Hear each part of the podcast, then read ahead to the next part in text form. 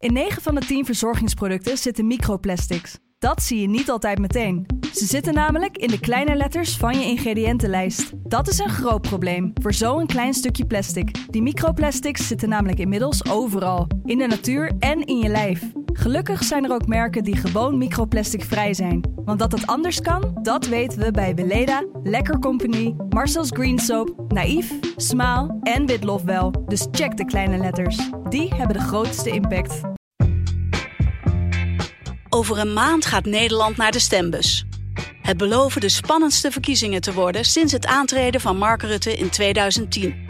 In het Haags kwartiertje praten de politiek verslaggevers van de Telegraaf je iedere dag in 15 minuten bij over de strijd om het torentje. Dat is dus echt gewoon een verkiezingsstunt. Het lijkt wel een beetje wanhoop om toch maar aandacht te krijgen.